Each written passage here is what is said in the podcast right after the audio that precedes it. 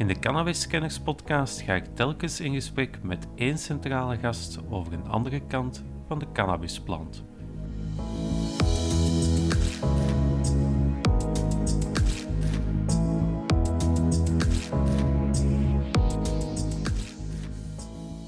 De overheid zou veel meer moeten investeren in preventie.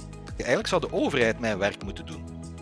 Ik ben een job aan het doen en scholen betalen daarvoor, die ouders, die leerkrachten, ik bedoel, die leerlingen betalen, terwijl de overheid zou dat moeten doen. Meningen of van die, die, die beslissingen die, die genomen worden door de politie komen vanuit onwetendheid en angst.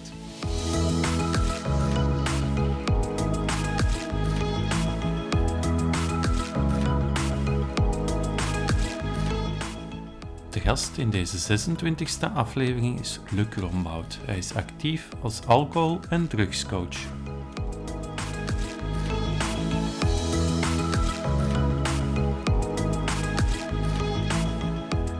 Politiek, de media. Overal horen we dissonante stemmen over het gebruik van cannabis. Tijd om de plant onder een ander licht te houden. Welkom bij Cannabiskenners.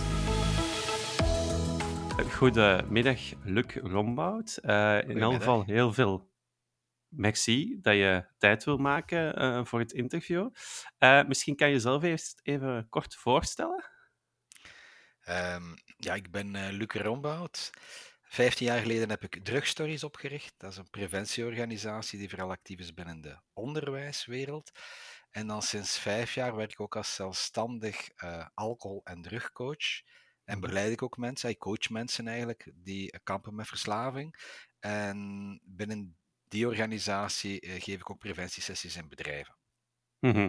Dus het is zowel naar scholen toe dat je preventie geeft, maar ook in bedrijven en individuele hulpverlening dan. Dat klopt, ja. Ja, oké. Goed, ehm, we gaan proberen alle drie thema's eh, te behandelen. Maar voor we daarmee starten, zou ik een aantal eh, termen die waarschijnlijk regelmatig aan bod gaan komen, toch wel willen toelichten. Mhm. Ehm, het eerste is ja, preventie, voorlichting, sensibilisering. Is het hetzelfde? Zijn het synoniemen of, of is het iets verschillend? Goh, goede vraag. Eh, preventie, voorlichting. En Ik gebruik meestal het woord preventie. Voorlichting klinkt mij een beetje ou- klinkt wel ou- oudbollig. Ik weet Ja? het niet om een of andere reden. Maar ik denk als je preventie vertaalt, dat, dat het wel hetzelfde is als voorlichting. Mhm. Sensibiliseren zit meer al een beetje het, het, een, eh, ja, eh, het meer het thema aankaarten. Ik denk, ja. eh, Ja. Want, want je kan natuurlijk, hè, je hebt misschien het verschil, hè, ik ga het eh, fictief houden, hè, op, een, op een school waar je uitleg geeft over, over middelen, of uitleg geven die bij wijze van spreken een klant die een koffieshop binnenkomt en die beslist heeft om een aankoop te doen. Zit daar misschien het verschil? Ja, dat, dat lijkt me wel eh, e- evident. Hè, als, ik, als ik voor jongeren spreek, gaat dat over ja. vooral gasten tussen ah, 14, 16 jaar. Ehm, dan is eigenlijk elk gebruik van, van drugs ja, Af te raden, hè? af te raden. Zo, Ja. zo kan je het inderdaad wel zeggen. Dat wil niet zeggen dat ze het daarom niet gaan doen. Hè. Nee, nee. Eh, maar het, het is niet dat ik dan gebruiksadvies eh, daar, eh, daar ga geven. Eh, maar Ja. op vlak van alcohol wel, want omdat daar dan toch de meesten wel, wel eh, mee, mee experimenteren. Mhm. Ehm, maar een klant die een koffieshop binnenkomt, ja, dat is toch wel denk belangrijk om ook zo iemand eh, op de hoogte te brengen ook van, van, van gevaren die er kunnen eh, ontstaan als je, weet ik veel, als je drugs zou gaan combineren of als je elke dag zou gaan gebruiken. Eh, Mhm. Ja, dan Mhm. komt verslaving ook om de, hoek, om de hoek kijken. Is, is dat dan soms niet moeilijk om die grens te maken tussen wa- waar, waar stopt preventie en waar begint ja, het, het effectief informeren? Ik, ik maak een fictief voorbeeld. Hè? Je, je Ja. staat voor een klas. Hè? Mhm. Ehm, eh, laten we het bij eh, bijvoorbeeld ecstasy nemen. Ja. Hè? Ik veronderstel niet, ik weet het niet, dat je daar tegen die jongeren gaat zeggen van je mag het niet doen, maar als je het dan doet, ja, begin met een kwartje, bij wijze van spreken. Die tweede zin ga je niet zeggen, veronderstel ik, Ja. of wel? Die, die eerste zin ga ik ook niet zeggen. Ik ga nooit tegen de mensen zeggen wat ze wel en niet moeten doen. Dat is een beetje met het vingertje gaan zwaaien. Dat werkt als een lap op een rode, een rode lap op op die stier. leeftijd, hè? Op Zeker die leeftijd. Hè. Ja. Don't do it. Dat is oh, oké. Ja. Dat gaan we Ja. dus doen. Nee, ik ga het er wel u- uitleggen dat, eh, dat, eh, dat eh, het grote probleem met ecstasy het feit is dat het illegaal is. Ik leg hen ook uit dat op zich MDMA niet zo schadelijk is, omdat het ook in therapeutische settings gebruik, gebruikt kan worden. Maar als je een ecstasy-pil koopt, dat je totaal niet weet wat erin zit. Misschien zit er wel Mhm. helemaal geen MDMA in. Zit er Absoluut. PMA in, is er LSD op gedruppeld. En als je dan al een pil hebt met MDMA en er zit te veel MDMA in, dat je ervan kan sterven. Ja. Ja. Dus, en dan laat ik hen zelf een conclusie trekken. Ehm, ik heb het ooit één keer meegemaakt dat een leerling eh, daar expliciet de vraag over stelde: van ja, als je het dan toch wil doen, wat moet je dan doen? En dan heb ik nog eens gezegd: ik zou het als ik u was niet doen, maar als je dan toch wel wil doen en je wilt niet sterven, begint, eh, eh, neem dan zeker geen ganse pil. Ja, Voilà. ja, maar dan, het is niet iets dat je uit jezelf gaat aanhalen. Dan moeten de, de leerlingen het echt al expliciet Dus vragen. dat- je moet de kat niet bij de melk zetten. Nee, hè. tuurlijk niet. Waar zijn die leerlingen mee bezig? Alcohol, sigaretten en vapen en alles wat daar rondhangt, snoes en toestanden. En Mhm, eh, een, een aantal daarvan experimenteren met cannabis. mhm. Dus je richt, heel- je, dan, Hoe zeg je? ja, je richt je dan ook specifiek vooral op drie, drie zaken waar je het nu over hebt. Hè? Sigaretten, alcohol en, en het Ja. vapen. Ja, omdat daar de, ja, ehm, de grootste kans is dat ze daarmee in contact komen. Hè, die Mhm. andere drugs. goh, Kijk, ik begin eigenlijk altijd met de vraag te stellen: welke drug, drugs ken je? Mhm, En afhankelijk van wat dat ze zeggen, als dan, dan kan ik ook wel inschatten wie zit er hier voor mij. Als ze zo plotseling niet zeggen maar cannabis of wiet, maar ze zo beginnen zeggen White Widow of Jack Herrer of Super Skunk, dan weet ik van, oh, oké, die gasten weten er net iets te veel over en dan weet ik wel van, oké, dan moet ik duidelijk... Hier moet ik op eh, ingaan. Hier moet ik op ingaan. Hier moet ik mee Ja. bezig zijn. voilà, Ja. En, en omdat je zo met die vraag al eh, start meestal, hoe, hoe, hoe is dat dan bij jongeren? Van die leeftijd, hè? je spreekt over de leeftijd tussen de 14 en de 16 jaar. Mhm. Wat wordt er dan meestal genoemd? Ik veronderstel alcohol. Ja, oh, goh, ah, alcohol. Eh, nee, alcohol vergeten ze meestal. Hè. Dat is altijd, ik ben altijd blij als er iemand alcohol zegt, want dat wordt niet beschouwd als een drug. Hè. Allee, Zoals Eh, de meerderheid van de maatschappij, denk ik. Inderdaad, inderdaad. En dat is ook mijn, mijn belangrijkste doelstelling, is aan te tonen dat alcohol ook een drug is. En ik, op verschillende manieren komt dat ook tijdens, tijdens mijn, mijn betoog, allee, de inter- er is veel interactie, komt dat aan bod. Wat zeggen ze nog? Ja, wiet uiteraard, eh, cocaïne, heroïne, een beetje de klassiekers, speed. Soms zeggen ze wel iets paddo's of LSD. Ehm, Mhm. ja. Sommige, als ze, dan, als, als ze dan horen dat alcohol ook een drug is, dan komt er ook wel cafeïne bij. En, en, allee, maar dat is zo'n beetje de klassiekers eigenlijk. Ja, ja. Oké. En, en hoe zit het dan? Merk je een, een verschil? Want ik veronderstel dat je ook in de verschillende ja, richtingen Mhm.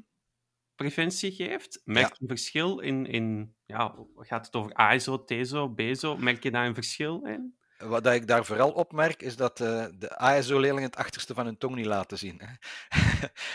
Ehm, Die zijn slim die- genoeg of wat bedoelen daar? Ja, wel slim genoeg. In die zin, ik denk niet dat die minder experimenteren, maar die gaan het Mhm. niet zeggen. Als ik in Mhm. eh, sommige BSO-richtingen kom, dan moet ik ze zo bijna tegenhouden van jongens, let op wat dat je zegt, zitten hier nog leerkrachten bij. Ja. Ehm, dus ze zijn vaak veel spontaner ehm, en meer open. Waar er wel, en dat blijkt ook uit onderzoek van VAD, ehm, dat er meer gerookt wordt ehm, in eh, BSO dan in Ja. ASO. Dat is een Mhm. duidelijk verschil dat we daar wel merken. Mhm. Ehm, nog een ander iets dat ik dan, dan ervaar is dat in, in, in BSO zitten niet alleen leerlingen die daarvoor gekozen hebben, maar ook leerlingen die het watervalsysteem zo een beetje hebben meegemaakt en die Mhm. daar eigenlijk een beetje schoolmoe zijn en tegen hun goesting zitten. Als zulke leerlingen gaan experimenteren, is de kans veel groter dat ze verslaafd raken, ik zeg maar iets aan cannabis. Ehm, dan die ASO-leerlingen die dat dan misschien, oké, eh, eh, misschien wel in het weekend doen, maar die zo verstandig zijn om daar wel ervoor te zorgen dat ze maandags nuchter in de klas zitten. Ja, ja, oké. Ehm, om toch nog even bij ja, het verschil te blijven, hè, de legale en de illegale middelen. Mhm. Ehm, op welke manier maakt dat het feit of een product legaal is of illegaal is een invloed op hoe je dat bespreekbaar maakt? Stel je voor, hè, over, over x aantal jaar wordt, wordt cannabis legaal, uiteraard natuurlijk voor volwassenen in, Ja. in België. Mhm. Ja. Zou dat je aanpak wijzigen naar dat product toe, hoe dat je die preventie brengt naar kinderen? Ik denk het niet. Ik zou wel nog veel meer de nadruk op zeggen van jongens, eh, het is niet omdat het legaal is dat dat prima is. Dat, dat, er, dat er, eigenlijk verandert er niks. Ik leg hen ook uit van in het begin, er zijn drugs die legaal zijn, illegaal zijn. Waarom zijn sommige drugs legaal en andere illegaal? Dat is een logische vraag die ze dan ja, gaan stellen. Tuurlijk. Ik zeg, er is geen enkele logica in. bedoel, dat is historisch zo gegroeid. Dus het, als we naar de wetenschap kijken, tonen dan ook wat blijkt uit wetenschappelijk onderzoek. Dan is er geen. Dan zitten we een drug te promoten die supergevaarlijk is, zoals alcohol, en andere drugs die minder gevaarlijk zijn, daar, daar vlieg je dan de gevangenis voor in. Dat, Mhm. dat, dat klopt niet. Er is iets fout met onze wetgeving en dat moeten we dringend aanpakken. En juist het feit dat, maar ik zeg dan ook van, ja, uit het onderzoek blijkt bijvoorbeeld dat MDMA minder schadelijk is, maar het feit dat MDMA nog altijd illegaal is, maakt dat het op dit ogenblik wel gevaarlijker is. Juist Mhm. omdat er niemand de kwaliteit controleert en dat je niet weet wat je slikt. Mhm. Oké, dus dat is dan de boodschap die, die je dan ook brengt naar die, naar die jongeren toe. Ja. Ehm, geef je ook, sta je dan ook soms leerkrachten bij? Want zij staan Ja. natuurlijk ook voor de klas. En op welke Mhm. manier sta je hen dan bij? Wel, in die zin vraag ik hen op voorhand. Allee, om te beginnen, ik zeg altijd fijn dat je me uitnodigt, maar als dat enige is dat je doet om te kunnen afchecken op de eindtermen, dan zit je niet goed bezig. Wat je nodig hebt is een drugpreventieplan. En daarvoor kun je laten bijstaan door een, een lokale preventiewerker. Eh, je zou kunnen deelnemen aan de leerlingenbevraging van VAD om zo'n beetje een idee te hebben van waar staan we met onze school. Mhm. En dan vraag ik ook, voordat dat wij komen, van... ehm kunt je aan de leerlingen vragen om, om hun vragen op een blaadje te schrijven, anoniem, die dan te verzamelen en naar ons te sturen, zodat dat geeft ons een heel duidelijk beeld van wat leeft er hier in deze groep. Mhm. Meest 90% van die vragen kom je sowieso al aan bod, omdat we, ja, als je 15 jaar bezig bent, weten we al wat er leeft. Ja. Maar als bepaalde thematieken echt naar boven komen, heel expliciete vragen, dan denk ik van, oh, dat is interessant. En dan gaan we daarop ingaan. Ehm, dan is er die, eh, ja, die sessie die we geven. En Mhm. wat dat, wat dat we, we hebben ook een, ja, een soort eh, documentje met een nabespreking van die sessie, die de leer- leerkrachten, wie dat dan wilt, dan nog in de klas kan nabespreken. Mhm. Mhm. Dus op die manier. eh, En kijken jullie dan ook van, geven jullie leerkrachten dan ook tips om, om bijvoorbeeld ja, op te merken wanneer een leerling signalen vertoont van oké, hier is meer aan de hand, hier is Mhm. sprake van eventueel problemen met middelengebruik? Ehm, wel, we geven sessies aan leerlingen, aan Mhm. ouders en aan leerkrachten. En als, als wij als een school ons uitnodigt voor een pedagogische studiedag, zoals vorige week was ik Mhm. in een school, ehm, dan gaan we uiteraard die thematiek eh, zeker gaan. Hè, hoe herken je problematisch gedrag? Waar moet je op letten? Hoe wat doe je beter wel? Wat doe je beter niet? Eh, dat soort zaken komen dan aan bod. En kan je dat in een paar minuten zeggen, die drie zaken van hoe merk je het, wat doe je wel, wat doe je beter niet? Ehm, wel, je, je, hebt, je hebt twee dingen hè, ehm, bij hoe dat je het kan eh, opmerken. Je hebt enerzijds, ja, het kan zijn dat je drugs vindt, maar die kans is heel klein. Meestal Ja. stoppen ze dat wel goed weg. Het kan zijn dat je allerlei attributen vindt. Ja, zo'n klein plastieke zakje met een cannabisblad op of, of, of lange blaadjes. Ja, de Ja. enige reden dat iemand lange blaadjes bij heeft, is om een joint te rollen natuurlijk. Ehm, ik zeg niet dat iedereen die rondloopt met een t-shirt met een cannabisblad op, dat die eh, gebruikt, maar laat ons zeggen dat hij of zij toch al gewonnen is voor de goede zaak. Hè? Mhm. Ehm, dus dat kan wel een aanleiding zijn als iemand zo sokken heeft met zo'n cannabisblad op, om zo eens een leerling aan te spreken van wat wilde daar eigenlijk mee zeggen? Wat is de message? Hè? ja, ja. Ehm, vaak zijn leerlingen vinden dat gewoon hip en cool, omdat Snoop Dogg dat doet, of weet ik veel wat. ja. Ehm, dus je hebt een aantal, eh, ja, dit kan zijn dat leerlingen die, ja, die er heel slaperig uitzien, of Mhm. iemand, eh, of extreme emotiewisselingen, Ehm, eh, een beetje glazige ogen de hele tijd, ze- zitten, ehm, zitten lachen. Mhm. Maar dat zijn uiterlijke kenmerken, maar dat zegt op zich niks. Je moet altijd eigenlijk heel goed gaan kijken met, met dat gedrag. Welk, welk gedrag stellen die leerlingen dat niet door de beugel kan? En dat kan gaan over zitten lachen, of, of liggen slapen, of niet opletten. Of dat kan zijn liegen, afspraken niet nakomen, eh, niet komen opdagen, te laat komen. En dat zijn allemaal kenmerken van problematisch gedrag. Heeft dat met Mhm. drugs te maken of niet, dat weet je niet. Maar als je natuurlijk en die externe kenmerken en die gedragsvariabelen ziet, en je zet 1 plus 1 samen, dan is het toch wel eens dringend tijd om een gesprek te hebben met zo'n leerling. Mhm. Daar gaat je dan aan de leerkrachten om een gesprek te hebben. En- zeker, zeker Zo'n gesprek kan op heel veel verschillende manieren verlopen, natuurlijk. Hè? Hoe- Inderdaad, Hoe, ja. hoe, hoe verloopt dat volgens jou het beste? Hoe pakken leerkrachten dat dan het beste aan? Ehm, belangrijk is dat je niet meteen gaat gaan, ehm, mensen gaan beschuldigen. Want tenzij dat je iemand op heterdaad betrapt, betrapt hebt met, Ja. met alcohol of andere drugs, ehm, ja, ga je nou wel eens niet te spelletje. Dan ga je het eerder gaan vaststellen, van, aan opmerken van kijk, in de vorige les heb ik jou dit of dat zien doen. Je was niet, niet, aan, niet aan het opletten, of je was weer te laat gekomen, of, of nee, dat je het problematisch gedrag benoemt. Mhm. Dat, dat, dat, dat, is, een, dat is een eerste uh, stap. Um, dan daarnaast denk ik dat het ook heel interessant is om te gaan kijken hoe gaat het met die leerling? Hoe gaat het op school? Hoe gaat het thuis? Hoe, hoe voelt hij zich in zijn vel? Um, dat zijn zaken. Um, wat zijn nog dingen? Um, het is belangrijk dat je überhaupt durft te reageren. Dat je niet doet alsof dat je neus bloedt, alsof je niks gezien hebt. Je ziet een leerling vreemd reageren tijdens de les of, of op een ander moment. Mm-hmm. Dat je überhaupt dat durft. Vaak zijn leerkrachten zoiets, ja, ik weet niks van drugs, ik ga er niks over zeggen. Je moet niet, niks van drugs afweten om zo'n gesprek aan te gaan. Het gaat over het gedrag. Hè. Je moet je leerling aanspreken op het storende gedrag. Um, en nog iets dat je kan doen, is je bezorgdheid uitdrukken. Um, bezorgdheid van, ja, ik zou niet willen dat je jaar moet dubbelen, of ik zou, ik zou niet willen dat ik, uh, ja, um, dat je, weet ik veel, dat ik plotseling een telefoon krijg van, uh, van, van, van, van, het ziekenhuis, zeg maar iets, of, of van de politie, of wat dan ook, als het dan duidelijk is dat het over drugs gaat. Maar eerder nog dan dingen zeggen, is het ook belangrijk om, om te luisteren naar het verhaal van die leerling. Ik heb, ik heb zelf ook vroeger lesgegeven, en als ik dan soms meer leer over de thuissituatie van zo'n leerling, dan denk ik van, oh, hoe dat is zich gedraagt in de les, is vervelend, maar eigenlijk valt het nog wel mee, gezien de thuissituatie. Ja. Um, en dat je, dat ook zo eens naar een leerling luistert en, en zijn of haar verhaal uh, laat doen. Mm -hmm. Wat dat ook nog interessant is, als jij iets hebt opgemerkt, eh, dat je misschien niet meteen kan plaatsen om eens te checken met die andere leerkrachten.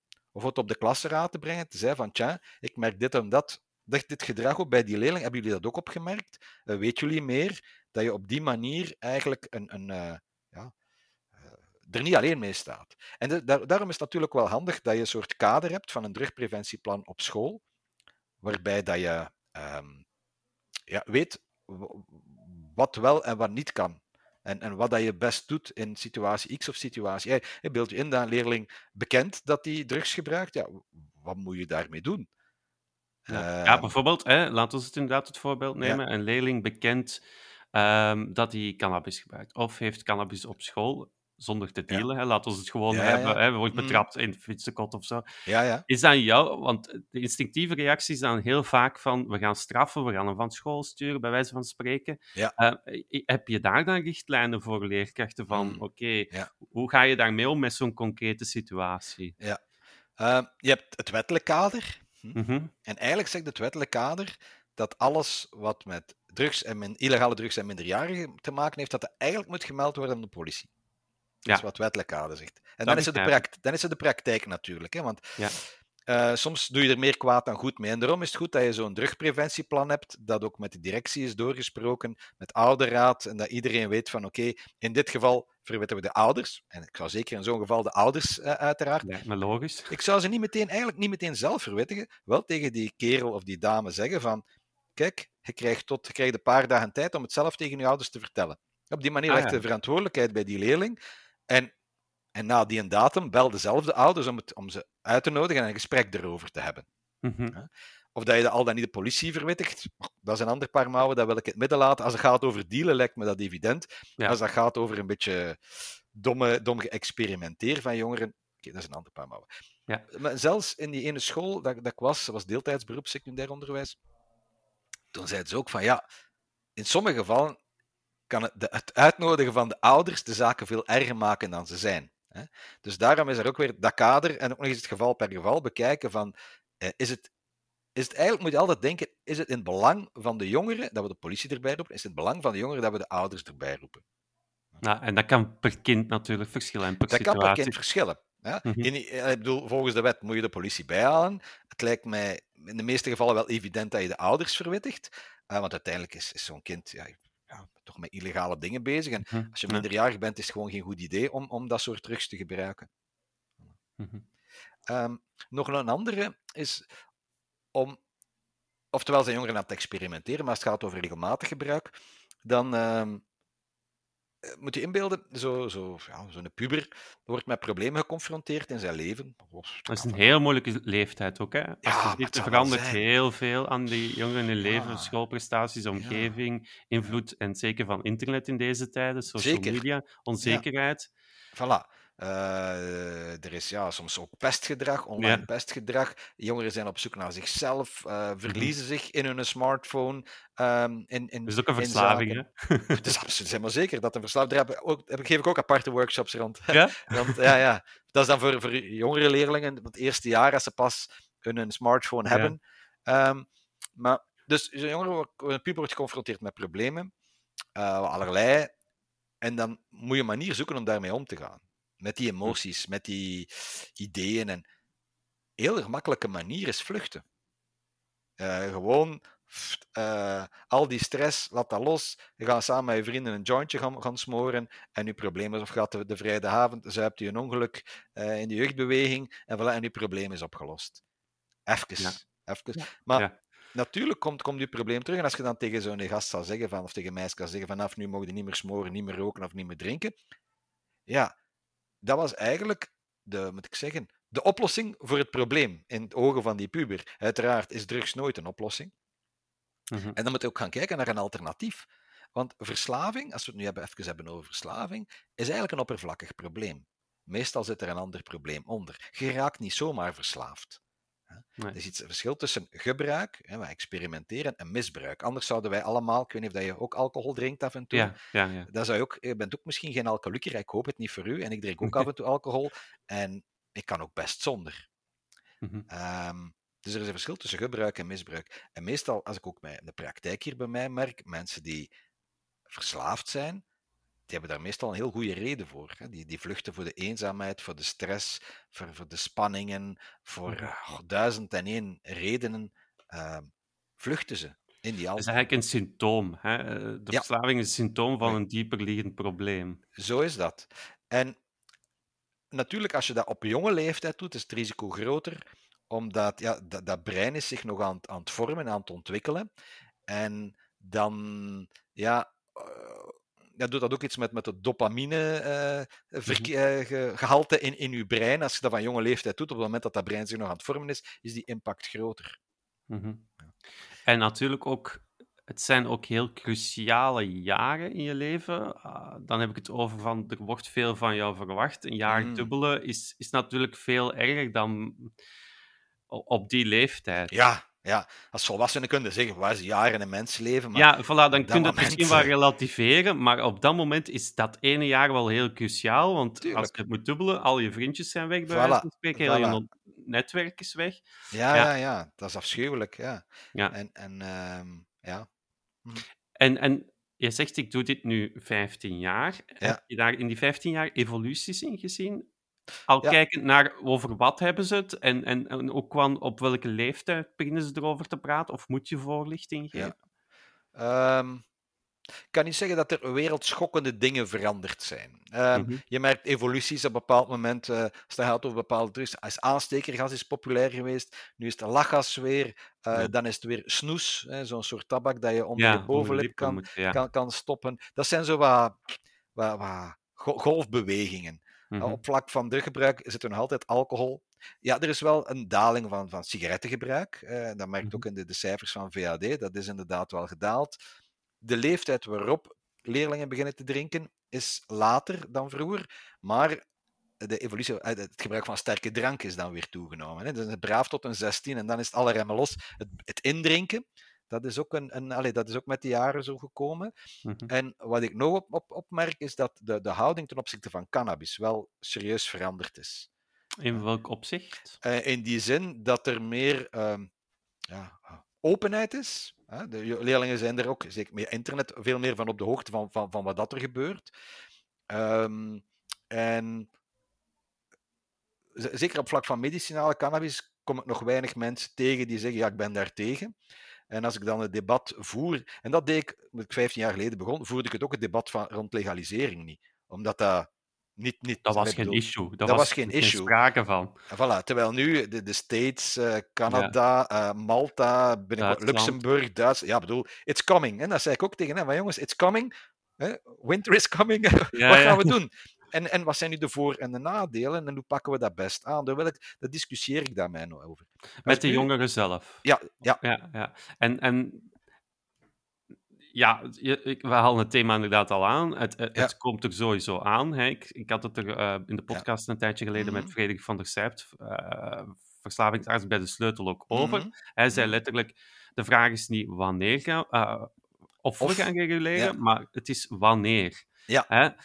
Hoe, ja, hoe, hoe breng je dat dan aan? En, en zie jij dat als een, een, een groot probleem dat ons, op ons afkomt? Hè? Want dat wordt heel vaak natuurlijk, en dat is ook terecht eh, naar mijn mening, eh, hoor je vaak in de politiek, waar ook het debat natuurlijk dient gevoerd te worden, Mhm. het argument van de jeugd. Hè? We, we moeten natuurlijk onze jongeren beschermen. Hè? Dat Mhm. lijkt me heel logisch. Ja. Zie je dat dan als een probleem, mocht dat product legaal, voor volwassenen Mhm.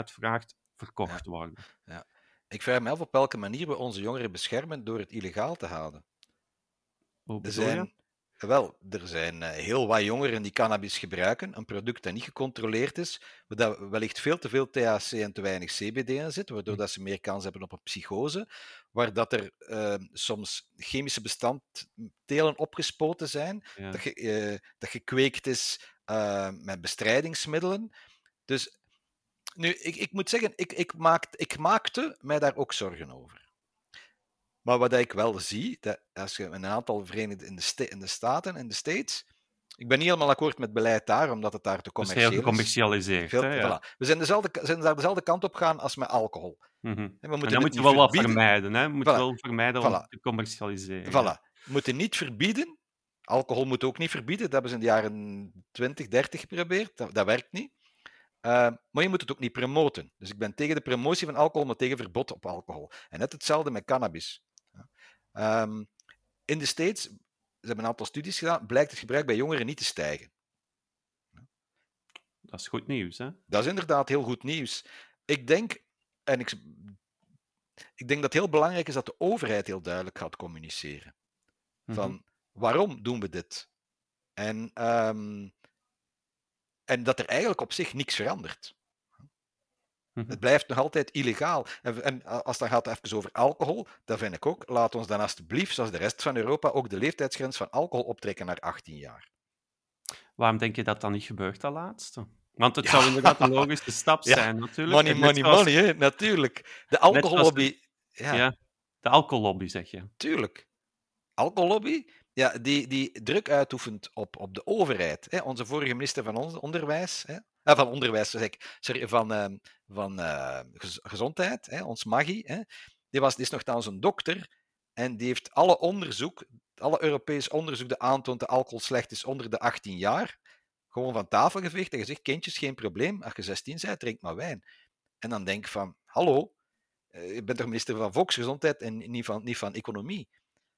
Het spreekt mm -hmm. voor zich, het is, het is een enorme business, maar en dan kan je, sommige mensen gaan dan zeggen, ja, maar dat maakt toch niet uit wat dat nu 16 of 18 is. En dat zeggen die jongeren ook, gaan ook mee in debat. En dan zeg ik, wat blijkt nu in Nederland? Dat was het vroeger ook 16.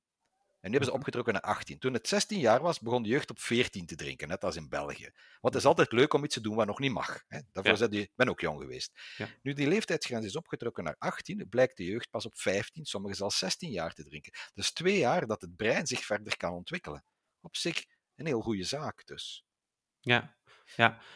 Um, dan heb je natuurlijk ook het aspect bij alcohol, reclame hoort daar ook wel bij. Ja. Dat is mm -hmm. ook niet echt, ja, ik vind het zelf onbegrijpelijk dat het gewoon kan. Ik ook. Ik ook. Het is historisch zo gegroeid. Het, het, ik denk dat we, ik, denk, ik vind um, tabak een heel mooi voorbeeld. Hoe dat mm -hmm. het positief kan evolueren. Toen, ik ben iets ouder dan jij, maar ja. toen ik vroeger uitging, dan, uh, ja, dan was er reclame, of de cinema, tv, radio, over reclame voor sigaretten. Als ik op café kwam, kon ik soms makkelijk gratis aan sigaretten geraken. Um, nu lijkt dat absurd. De, de, leraarskamer kon je vroeger herkennen door de blauwe doem die er van onder kwam, omdat iedereen daar aan het roken was. Ik heb nog leerkrachten gehad die met een pijp in de klas aan het roken waren. Ja. Dat is nu... Dat kunnen we niet meer inbeelden. Ja, maar je zou dan ook kunnen zeggen van, oké, okay, mm. wij, wij hebben al, wij hebben zoveel moeite al met, dat is zo het argument dat je vaak in dat debat ja. ook hoort, hè, van, wij hebben al zoveel problemen met alcohol en ja, inderdaad. moeten we nu die andere dingen er nog gaan bijnemen? Ja, Uh, de reden dat wij problemen hebben met alcohol is omdat we reclame voor maken, dat we het promoten, dat we een gratis vat nog altijd oké vinden, dat een pintje goedkoper is dan een glas water, verdorie. Daar kan ik mij druk in maken. Daardoor krijgen we problemen. Tabak evolueert heel goed. Geen reclame meer. Het mag, je mocht bijna nergens niet meer roken.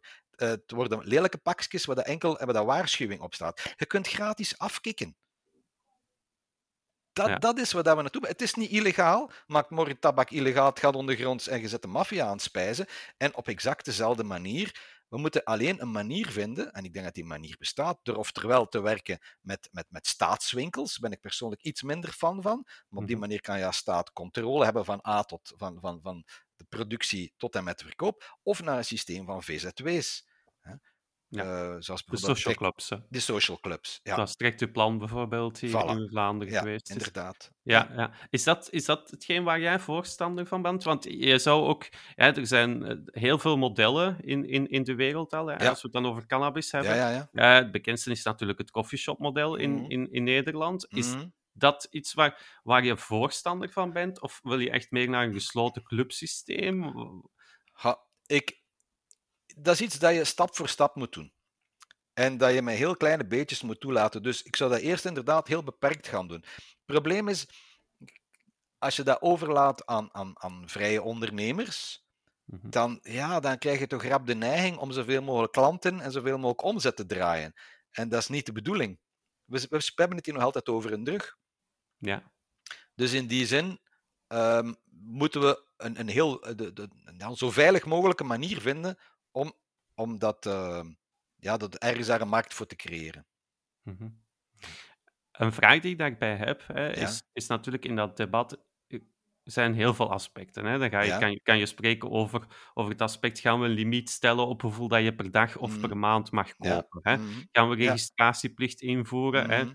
Ja. Uh, iemand kan al, hè, gaan we dat soort zaken invoeren? Gaan we toestaan dat vind ik zelf ook een, een, een boeiend aspect, gaan we mhm. toestaan dat we consumptieruimtes uh, inrichten. Hè? Een soort van cafés, maar dan het mm. coffeeshop-model. Ja. Je kan daar de voordelen van inzien, van er is een sociale controle mhm. misschien, hè? maar het nadeel mhm. is, het is natuurlijk zichtbaarder in de straat. Wat, wat denk jij over dat aspect bijvoorbeeld, hè? consumptieruimtes? Ik heb er eigenlijk nog niet echt heel veel over nagedacht. Um, dat is ook weer, dat is zeker iets dat op termijn er kan komen. Maar dat we ook stap voor stap moet, moeten, moet, moeten gaan bekijken. Mhm. Ehm, ik vergelijk het altijd graag met alcohol. In bepaalde steden is alcohol op straat drinken verboden. Ik herinner me toen ik jaren geleden in de States was en ik kocht een blikje bier en ik wou ermee naar buiten gaan en die hielden mij tegen. Ja, dan moest er zo'n bruine zak. Ik zeg, wat dat nu? Ja, can you drink alcohol in the street in Belgium? Ik zeg, of course. crazy Belgians. En toen stond ik daar ook niet bij stil. Terwijl, ja, uiteindelijk, nu, nu zitten in een jeugdvoetbalclub, zitten de vaders met een duvel ah, te supporteren. En, ja, en dan stel jij de vraag, mogen gebruikersruimtes? En dan zitten we ook weer met twee maten en twee gewichten. Ja, want heel veel mensen gaan op het moment, hè, en inclusief mezelf, op het moment dat je bijvoorbeeld een product als cannabis legaal gaat maken, gaat men heel snel de vergelijking maken van dan mag met alcohol, dus waarom zou ik dan niet met cannabis mogen? Hè? Dan gaat het over, hè, ik geef maar een registratieplicht. Iemand die de winkel binnenloopt, de supermarkt, die kan met een hele kar vodka buiten lopen. Die moet niks mm. registreren, die kan dat gewoon doen, daar worden geen vragen bij gesteld. Mm. Ja, ja dan, dan stelt zich de vraag van, ja, eh, je moet dan wel op een gelijke manier met die middelen omgaan. Ja, maar dat is ook weer iets dat je niet van de ene dag op de andere dag kan doen. Nee. als, als het aan mij ligt, hè, dan ben ik meer voor het Amerikaanse systeem, waarbij dat je in de supermarkt geen alcohol kan kopen. Dat je de enkel kan kopen in speciale winkels, maar dat je je pas moet tonen, zonder dat die geregistreerd wordt. Zweden en Zweden en... Ja, ja voilà. Maar die registratieplicht, ik ben daar persoonlijk niet zo'n voorstander van. Ik sta nogal op mijn privacy. Ja. Want dat gaat een rem zijn. En dan ga je toch mensen krijgen die omwille van die privacy redenen het toch niet, um, moet ik zeggen, um, toch zich illegaal gaan bevoorraden. Ja. Mm Ehm, en ja. Heeft, heeft dat, denk je, een, wat is ook een, een, een boeiende vraag, heeft het een drempelverhogend effect om een product in een specifieke winkel te verkopen. Hè? Laten we zeggen, in Nederland bijvoorbeeld, wijn en bier kan je in de supermarkt kopen, maar sterke drank is bij de slijterij. Hè? Zweden is een goed voorbeeld. Hè? Mhm. Uh, bij ons kan je eigenlijk sigaretten en alcohol in de supermarkt kopen. Denk je dat dat een, een drempelverhogend effect heeft, een aparte winkel inrichten? Heeft dat invloed? Ik denk het, ik denk het wel. Omdat je een bewuste keuze moet maken. Ik zeg maar iets, als je nu een totaal ander voorbeeld te geven. Uh, ja, okay, tegenwoordig vind je ook fairtrade producten in de supermarkt, maar als ik naar de wereldwinkel ga, dan maak je die bewuste keuze om naar daar te gaan. En dat is inderdaad een drempel, want ik ben dan naar de supermarkt geweest. Als just, ja, ik moest ook nog naar de wereldwinkel om fruitsap te gaan, ik zeg maar iets. Dat, dat is drempelverhogend. Ja. Ja, Want je in, moet, in, dat, in die die one-stop context is dat natuurlijk negatief. Hè? In die context is dat natuurlijk negatief. Dat om, Ja. om- Nee, nee, maar ja, daarom Ja. dat het ook goed is dat ook fairtrade producten in de supermarkt Ja. aanwezig zijn. Hè? Ja, Om de ja. drempel verlagen. Maar bij drugs zitten we net het omgekeerde. Mhm. En ehm, het moet een bewuste keuze zijn om, om, daar, om daar naartoe te gaan. Maar nog één dingetje dat in mijn hoofd aan het spoken was van Ja. daarnet. Nog een, een voordeel van legalisering. Of van, ja, ik spreek niet over legalisering, want dan lijkt het. Laat ons het maar overal verkopen. Regulering. hè. Ja, ja. We hebben jaren geprobeerd om de war on drugs te voeren. Dat heeft niet gewerkt, 50 jaar. Laat ons eens iets anders proberen. Dat is een beetje, laat ons kijken, aangezien dat we drugs niet kunnen uitroeien, hoe dat we drugs onder controle kunnen krijgen. Dat is het, dat is het doel van reguleren, is controle krijgen over het drugprobleem. Als je dat economisch aspect bekijkt, is ook interessant, want dat levert geld op natuurlijk, verkoop van cannabis. Mhm. En dan kunnen we dat geld, zou ik dat wel willen, dat dat ook een groot deel daarvan geïnvesteerd wordt in preventie. Ja. En in hulpverlening. Mhm. Eh, dat zijn drie pijlers van een model. Je hebt preventie, hulpverlening en je hebt repressie. Ja. Als je kijkt naar de cijfers of naar de verhoudingen, Ja. hoe die nu liggen in België, wat is je mening daarover? Ik vind dat afschuwelijk. Hè. Dat 65%, als ik juist ben, 65% naar repressie gaat, een derde naar hulpverlening en 2% naar preventie, dan denk ik dat we niet goed bezig zijn. Pas op, ik heb niks tegen. Ik vind dat de politie zijn werk moet doen en justitie zijn werk doet en die mensen leveren goed werk. Ja? Maar als op een budget van 100 zitten de verdelingen niet goed. Ik heb altijd geleerd beter voorkomen dan genezen. Mhm. En je zou kunnen zeggen, praat voor uw eigen winkel. Nee, ik ben een zelfstandige. Ik spring in het gat dat de overheid laat liggen. Eigenlijk zou de overheid mijn werk moeten doen. Ik ben een job aan het doen en scholen betalen daarvoor, die ouders, die leerkrachten, ik bedoel, die leerlingen betalen, terwijl de overheid zou dat moeten doen. Dus in die zin praat ik niet voor mijn winkel, want Nee, langs de nee. kant. eh, ja, dus ja, maar ik vind de overheid zou veel meer moeten investeren in preventie. Ja. En dat je, ja, als, als ik dat inderdaad hoor, hè, bijvoorbeeld zoals harm reduction, hè, schadeverlichting, dat, dat- het budget dat daar wordt voor vrijgemaakt. Ja, dat is enorm klein. Ja. Dat is bijna verwaarloosbaar. Mhm. En dan komen we bij natuurlijk bij het. Ik ga nog even op, op harm reduction Ja. ingaan. Omdat het, Mhm. het heeft niet zozeer met cannabis te maken, maar daar zijn ook twee thema's die, die belangrijk zijn en die Ja. voor polemiek zorgen. Hè, dat zijn de spuitgebruikruimtes en Mhm. de piltesting Ja. hè, op Mhm. festivals. Ja. Ook twee aspecten, vooral ja, natuurlijk de piltesting. Hè, het Ja. zijn vaak jongere mensen. Wat, wat is jouw mening daarover? Hè? Er wordt dan ook heel snel gezegd van, ja, piltesting, dan, dan, dan geef je eigenlijk het signaal dat je het oké vindt. Wat, wat is jouw mening? Ja, Ik, ik begrijp, dat zijn, dat zijn uitspraken van mensen die, die niet uitgaan, denk ik. of, of, en en dat, zijn, dat zijn angsten. En heel veel hm, eh, meningen of van die, die, die beslissingen die, die genomen worden door de politie komen vanuit onwetendheid en angst. En daarom is het wel goed om te gaan kijken wat, wat, wat leeft er in de praktijk.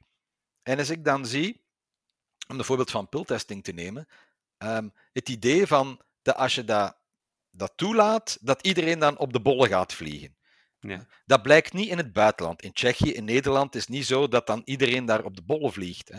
Het overgrote deel van de Belgen drinkt nog altijd liever gewoon zijn pintje als hij naar een festival gaat. Je hebt er dan niet liever een jointje roken, en je hebt dan mensen die per se een ecstasy-pil willen pakken. Als je het puur, eh, moet ik zeggen, ehm, als je dan kijkt naar de schadelijkheid van de producten, en als je dan een zuivere ecstasy-pil hebt, dan is dat minder schadelijk dan alcohol. Dat moeten we toch even zeggen. Het klinkt raar, maar dat is wat de wetenschap zegt. Dus het gaat niet over mijn mening, het gaat over wat de wetenschap zegt. Hoe dat ik dat dan zie, zo piltesting, hm, de eerste stap, en daar zijn we momenteel uh, vanuit Smart on Drugs ook mee bezig, met de parketten ook aan het bekijken van, um, kunnen we niet gewoon ergens in Vlaanderen of op een paar grote steden een centrum hebben waar dat mensen naartoe kunnen gaan om die pil te testen. In Nederland bestaat dat al. Dat je zegt van ik, wil, ik heb iets gekocht, ik, wil, ik ga volgende week naar een festival, ik ga die pil laten testen. Mhm. Dan kan je die, en dan weet je, oké, wat zit erin? Ja? Dus de kans dat, dat, je, uh, moet ik zeggen, dat, je, dat je niet doodgaat, groter. Ja? Mhm. Um, een volgende stap zou kunnen zijn dat je het op festivals gaat doen. En ik zie dat dan eerder als een soort. Je hebt nu al van die preventiestandjes en beeld je in dat iemand met zo'n pil komt, dus ik wilde die eens testen. Terwijl die pil getest wordt, kunnen ze een gesprek hebben met zo iemand. Ah, ik ga een ecstasy nemen, oké. Okay. Uh, heb, Doe je dat vaak? heb je dat nogal gedaan? Ja. Hè? Doe je dat vaak? Heb je alcohol gedronken? Nou, dat zou ik dan misschien niet doen. Heb je andere drugs gebruikt? Um, is er iemand bij je die nuchter is? Mhm. Um, weet, mocht het fout lopen, kijk, daar is een dokter, die gaat de politie niet verwittigen. Dus als er iets fout loopt, ga naar daar. En voilà. Op die manier vermijd je dat mensen sterven. En dat is nog altijd prioriteit, denk ik. En of dat we dan nu zeggen, dat mag niet of dat mag wel, je hebt heel wat mensen die zich daar niks van aantrekken. Ja. Mhm. In een ideale wereld leven we allemaal gezond en doen we geen drugs. Maar behalve alcohol dan, want dat... ja. bedoel, ja, dat- maar dat zit dan ook in de redenering van, ja, drugs is slecht, maar, maar alcohol dan, mensen. Mogen we niet meer genieten van het leven? Hè? Gaan we op water en brood leven? Dat is dan de reactie die je krijgt. Hè? Als je zegt een alcohol, dan is, krijg je de reactie: ja, je mocht toch nog genieten van het leven. Terwijl je twee zinnen daarvoor zelf hebt gezegd dat het op andere manieren niet mag. Voilà. Dus Ja. dat is... En ik begrijp dat wel, want eh, als je dat nog nooit genomen hebt en je kent die party scene niet, dan heb je zoiets van, ja, doe toch normaal, drink alcohol. Waarom moet je nu drugs gaan gebruiken? Terwijl, ja, de ene mens vindt, weet ik veel, vindt spaghetti lekker en de andere houdt liever van mosselen, zeker, weet ik veel. Ik bedoel, het is allemaal lekker, hè? Ja, ja. Maar, maar de redenering van mensen hè, over, over die piltesting is, die zitten heel vaak nog een, een, een stap vroeger. Hè? Die zitten in de stap van, doe het gewoon niet. Hè? Dan zijn Ja. die volgende stappen van piltesting en, en, en, Mm. en f- informeren en, en, en- Ja. en vragen stellen, allemaal niet nodig, niet relevant en ook niet, Ja. we daar ook niet in investeren. Just don't do it. Is gemakkelijk, hè? Gedaan, voilà. Ik zeg, kom gewoon bij de leerlingen. Ah, leerlingen. Nee, want ik spreek nu over 18-plussers, hè, als het gaat over ecstasy. Ik zeg tegen de mensen, mensen, je moet het gewoon niet doen. Voilà. En ben klaar. En kan cashen. Voilà. Dank je wel. Dank je voor je aandacht. Moest, het leven zo, moest het zo simpel zijn, hè, dan, dan, ja, dan had ik al lang een andere job gezocht, want dan zou ik dat saai vinden. Het is veel Ja. ingewikkelder, veel complexer dan dat. Mensen zijn vreemde wezens. De mensen die ik in mijn praktijk zie, Hè? Mhm. denk je dat die voor een plezier drinken of aan de kook zitten? Misschien zijn ze voor hun plezier ooit mee begonnen, maar Hm? Ja. kan dat? Ja, Of- som, wat- som- zeker als het gaat over alcohol. Mensen beginnen te drinken als ze uitgaan, want dat hoort erbij. En je wilt geen seut zijn, dus, Mhm. dus, dus je doet mee. Maar wanneer loopt het fout? Hè? Dat is een- het model van de drie M'en. Hè? We hebben het altijd over dat middel. Wat is nu het gevaarlijkste? En dat kun je wetenschappelijk aantonen en er is cultuur en dit en dat. Maar die tweede M is over wie hebben we het? Hebben we het over een kleine van 14? Dan is alle gebruik of dat, slecht. Of iemand van 24. En ja, dat is een volwassen mens. Als die sigaretten wil roken, slecht voor je gezondheid. Maar wie ben ik om te zeggen wat dat je wel en niet mocht doen? En ook maar de motivatie. Waarom doet iemand dat? Dat is heel belangrijk. De mensen die ik hier in de praktijk zie, die, die, die gebruiken het meer omdat ze het leuk vinden. Maar om te vluchten voor problemen, omdat ze zich niet goed voelen, omdat ze niet happy zijn, omdat ze er niet in slagen om hun problemen aan te pakken in hun leven. Mhm.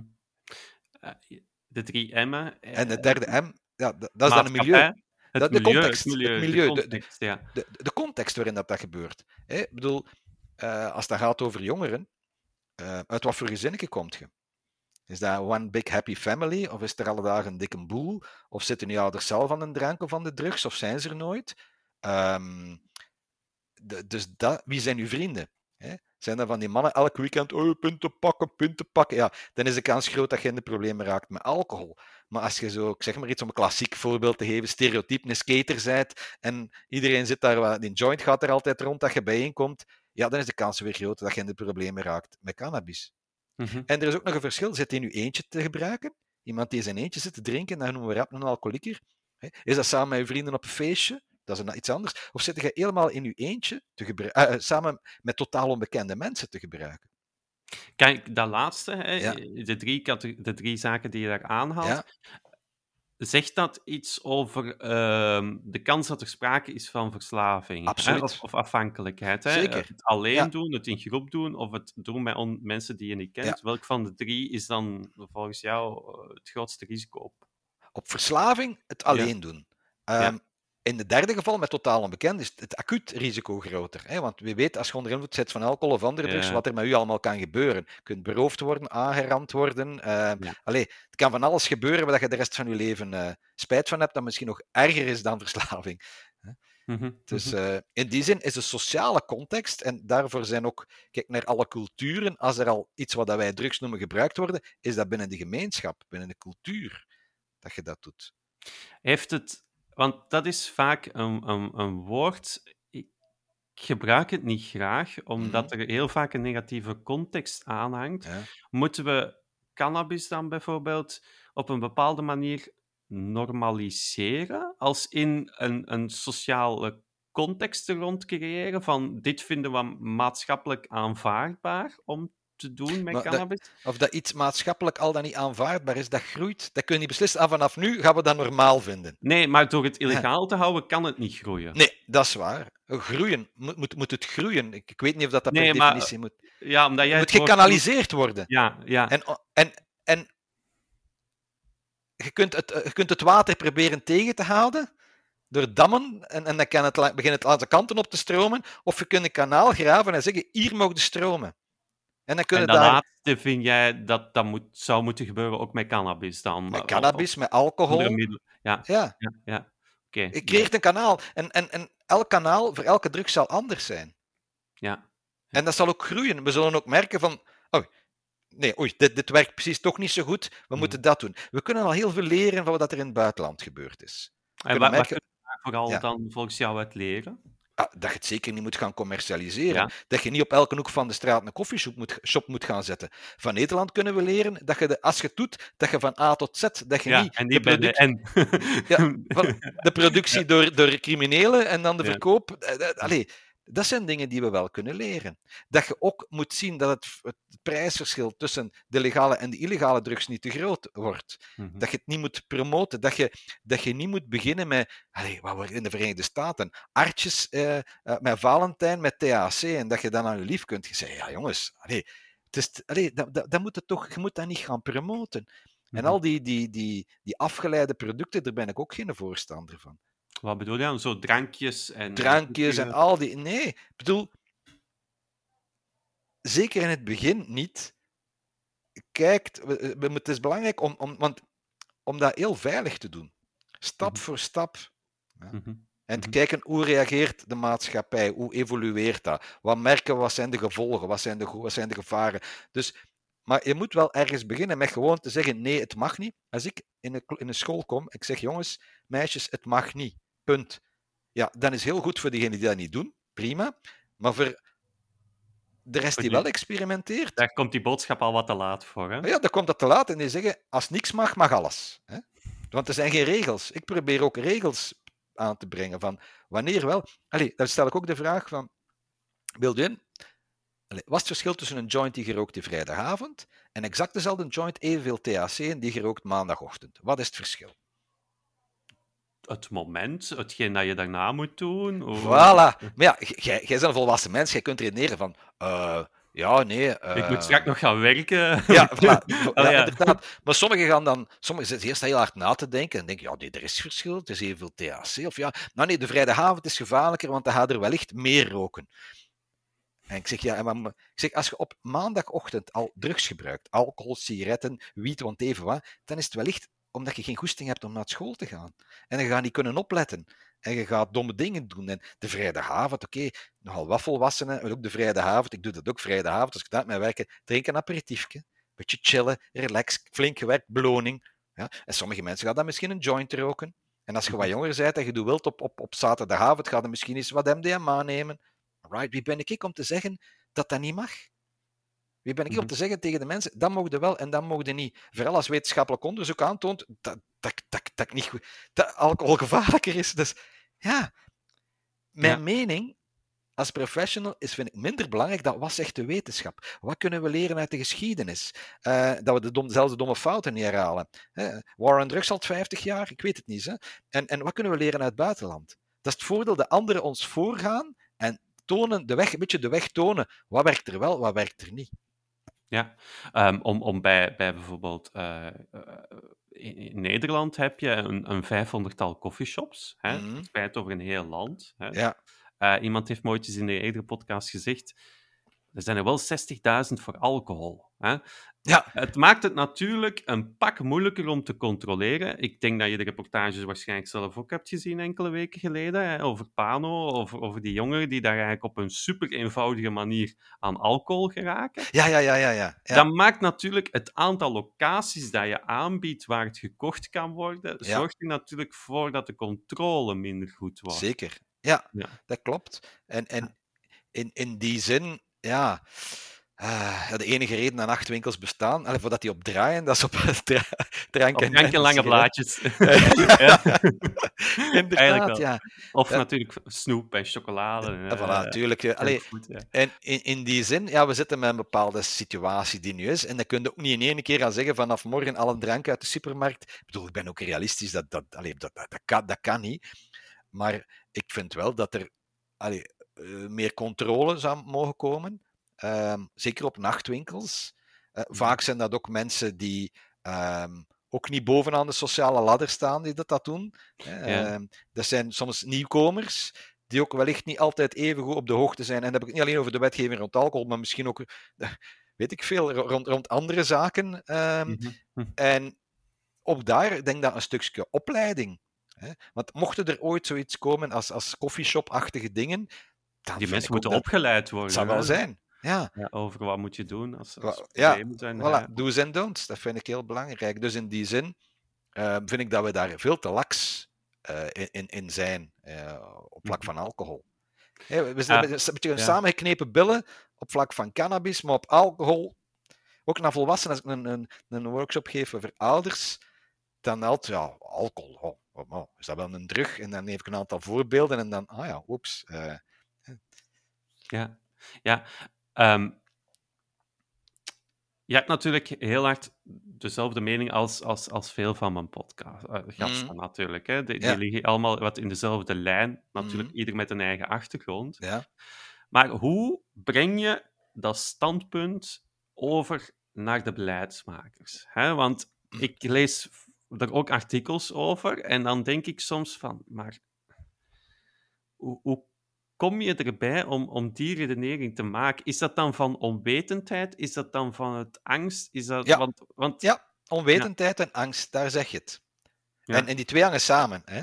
Ja. Ehm, en hoe, hoe doen we dat? Ja, we hebben met Smart on Drugs een, een memorandum geschreven.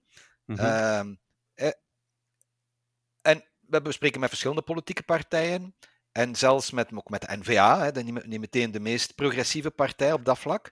nee. Ehm, Ja, want die brouw, de, de jeugdafdeling van de NVA brouwt bijvoorbeeld een eigen bier. ja, voilà. Dat, dat wel natuurlijk, maar dat is, maar dat is dat, eh, Vlaams geboden. Hè, dat is Vlaams. Hè. Bedoel, misschien moeten we Vlaams gewiet op de markt brengen. Ja, Ik inderdaad. weet het niet. Ja, want ja, Eigen bodem, eigen kweek. Ja, eigen kweek, maar dat, dat vind ik dan soms inderdaad. Ik geef nu het voorbeeld van ze brouwen een eigen bier. Hè. Er zijn genoeg partijen die ook eh, een Ja. wijn of, of een wijn Ja. doen. Hè. Of, Mm. of bij wijze van spreken, ik las nu onlangs nog Zoaldemir die 3 miljoen aan de brouwerij gaat geven om, om bier te promoten naar Mhm. toeristen toe. En dan lees ik in dezelfde week dat in Amsterdam Femke Alsma het toeristen niet meer wil laten toestaan om te kopen in coffeeshops. Ja. Ja. Ja, ik denk dat je wint gewoon geen stemmen met drugs te reguleren. Omdat door jarenlange indoctrinatie, ehm, en ik probeer daar een tegen, tegen, tegengewicht aan te geven, door, door mensen bewust te maken van jongens, zo zitten de zaken eigenlijk in elkaar. Dus door die jarenlange indoctrinatie zit het wel heel diep. Drugs zijn slecht, just say no. Dat is er jaren ingepompt. Behalve over alcohol dan. Dat, dat, dat, dat, is dan weer een ander paar mouwen. Dus ik denk dat dat een, een lange weg om te gaan is. En de enige argumenten die ik, tegenargumenten die ik nog hoor, als het dan gaat over regulering van cannabis, dat zijn morele Mhm. standpunten. En, en ik vind, je kunt Er zijn altijd mensen die vinden dat homoseksualiteit moreel niet kan. Hè? Of prostitutie. Of prostitutie, of abortus. En Ja. oké, en mensen mogen die mening hebben. Hè? Ehm, maar een politiek beleid, of een, een, vind ik niet dat je mocht baseren op enkel puur morele standpunten. Want die evo- evolueren in, doorheen de tijd. Ik denk dat, ze hebben het allemaal over evidence-based. Als het ook gaat over geneeskunde en alles, dat is heel goed. Kijk dan wat de wetenschap zegt. Maar je weet misschien wat dat ze met, met, met professor Nut gedaan hebben in Engeland. Ja, ja die- en eh, die, die is daar ontslagen toen. Hè? is- Omdat ja, hij voilà. zei van alcohol is eigenlijk een veel groter probleem. Voilà. De, inconvenient truth. Hè? En Ja. dat is het. En er gaat wat tijd moeten overgaan. Maar onlangs was er een debat op ATV tussen een van de mensen van Smart on Drugs. Wie was het nu weer? Joost, denk ik. En, ehm en Philippe de Winter zat daarbij. En ook. ehm, Jenny Beels. Ja, Jenny Beels. Ja. en op een bepaald moment ging het over ehm, ja, legaliseren van alle drugs. Dat was natuurlijk, het kon totaal niet. En dat, dat, ja, maar cannabis. Dat was dan precies, het was dan precies een klein beetje opening. Zelfs, oftewel, dat was een slip of the tongue. Ehm, maar zelfs, zelfs die geesten zijn aan het rijpen, omdat ze ook zien, ja jongens, dit, dit, dit gaan we wellicht niet kunnen tegenhouden. Hè?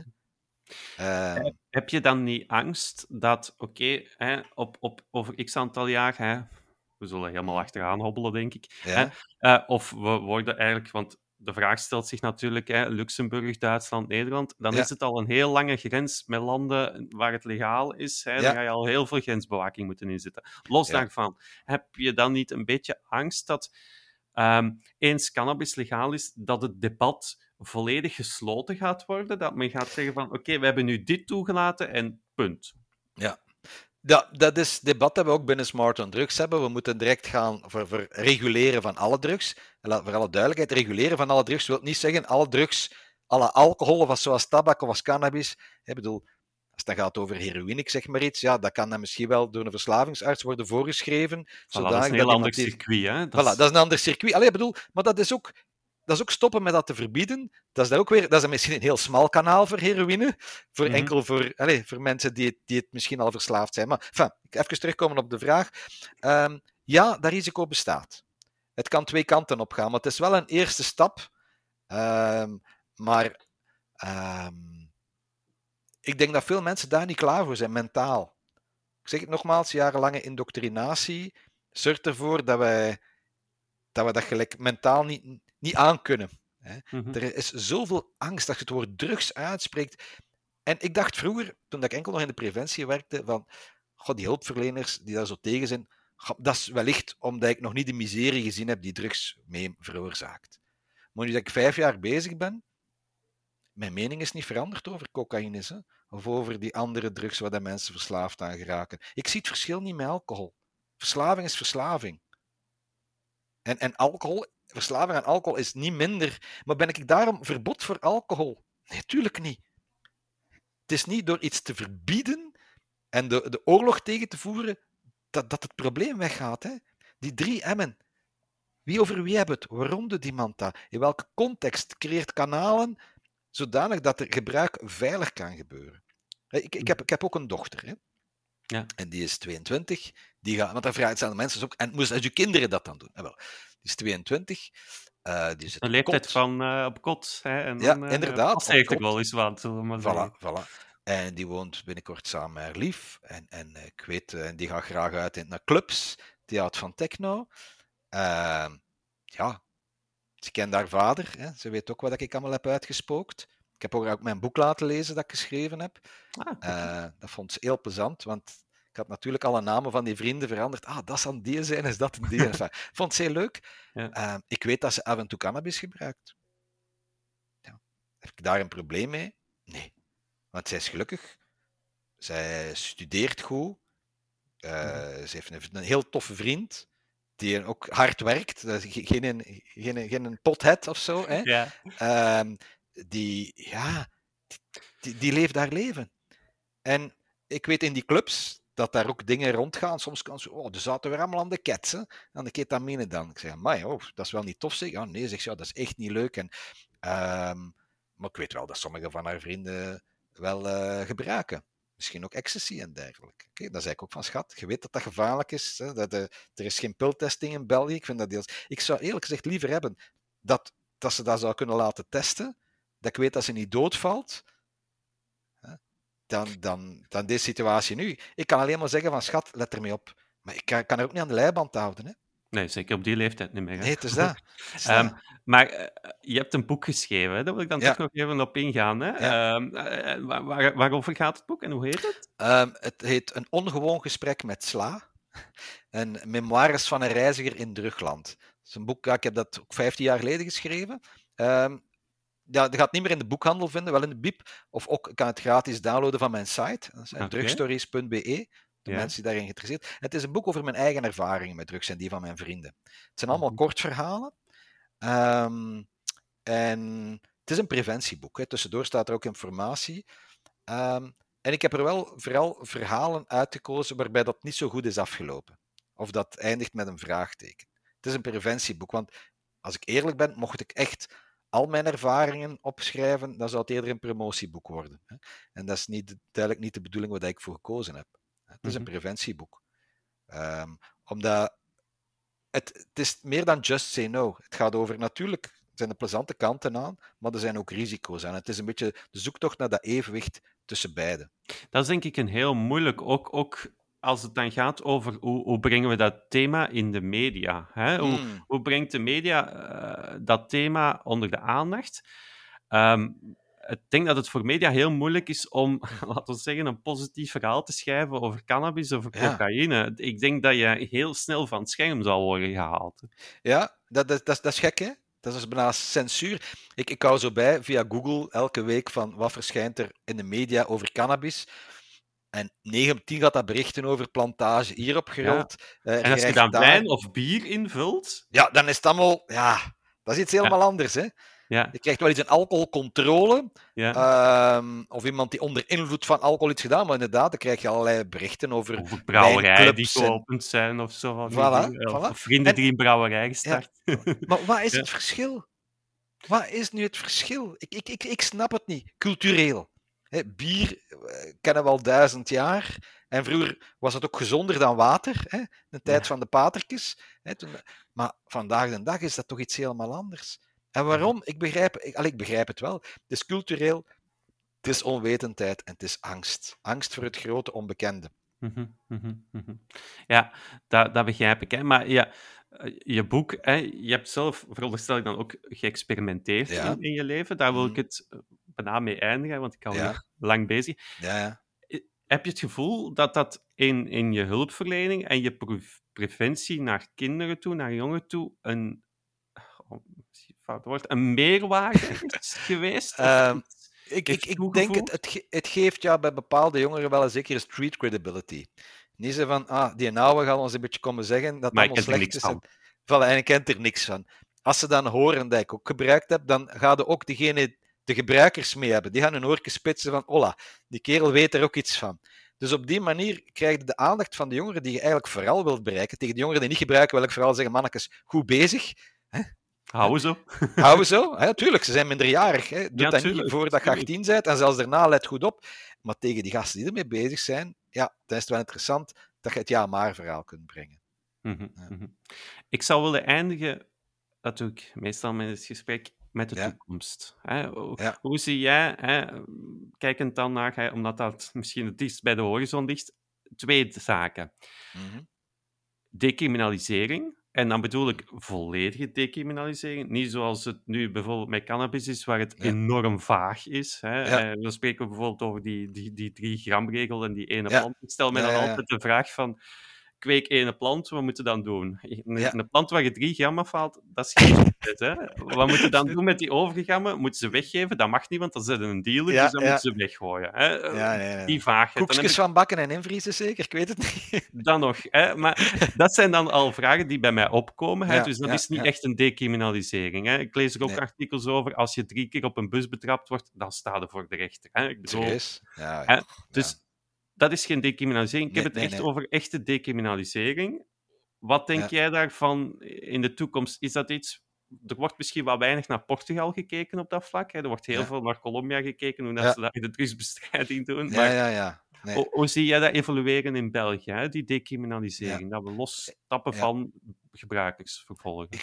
ik, ik denk dat, ehm, dat het op termijn wel gaat komen voor cannabis. Over die andere drugs heb ik. En dan misschien ook nog wel rond heroïne, misschien iets. Hè. We zitten die gebruikersruimtes. Mhm. Brussel zegt sowieso: hier, Belgische staat, wij doen dat gewoon. Wij zien dat Net dat zoals werkt. in Luik eigenlijk. Ja, hè? tuurlijk. Ja. Ja, we gaan naar kleine praktijkvoorbeelden gaan die gaan aantonen dit, dit werkt. Ja. De grote decriminalisering van alle drugs, ik ben daar niet zo optimistisch over als sommige andere eh, mensen bij, bij, bij, bij Smart on Drugs. Ik denk dat dat zijn een tijd nodig zal hebben. Mhm. Ehm, maar ik denk dat bij cannabis, zeker als we. Als, allez, Nederland, pas op, ja, het is ook een beetje gas geven en remmen, maar zeker als Duitsland. Ja. Maar veel hangt er nog van. eh, Hoe gaat Duitsland dat doen? Hè? Hoe gaat Luxemburg dat doen? Eh, ik denk dat dat wel. Ik zeg altijd, misschien dat ik het niet meer ga meemaken, maar de jeugd voor wie dat ik spreek gaat dat zeker meemaken. En we moeten er heel goed over nadenken op welke manier dat we dat willen doen. Dat we niet dezelfde fouten maken als we met alcohol gedaan hebben. Dan heb je het echt over de regulering van de Ja, cannabisverkoop. absoluut.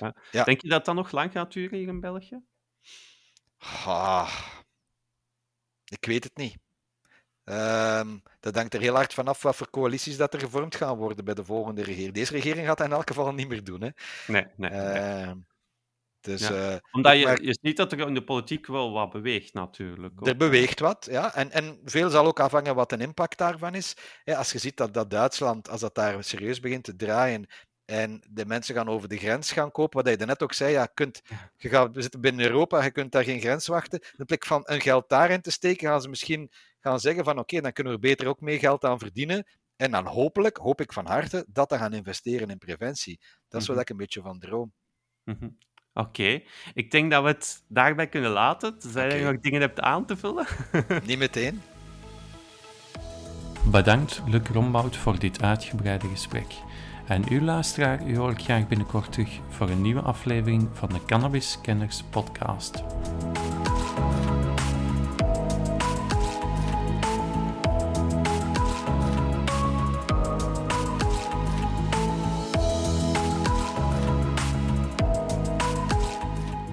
Meer podcasts ga naar www.cannabiskenners.be of voeg Cannabiskenners toe in je favoriete podcast-app.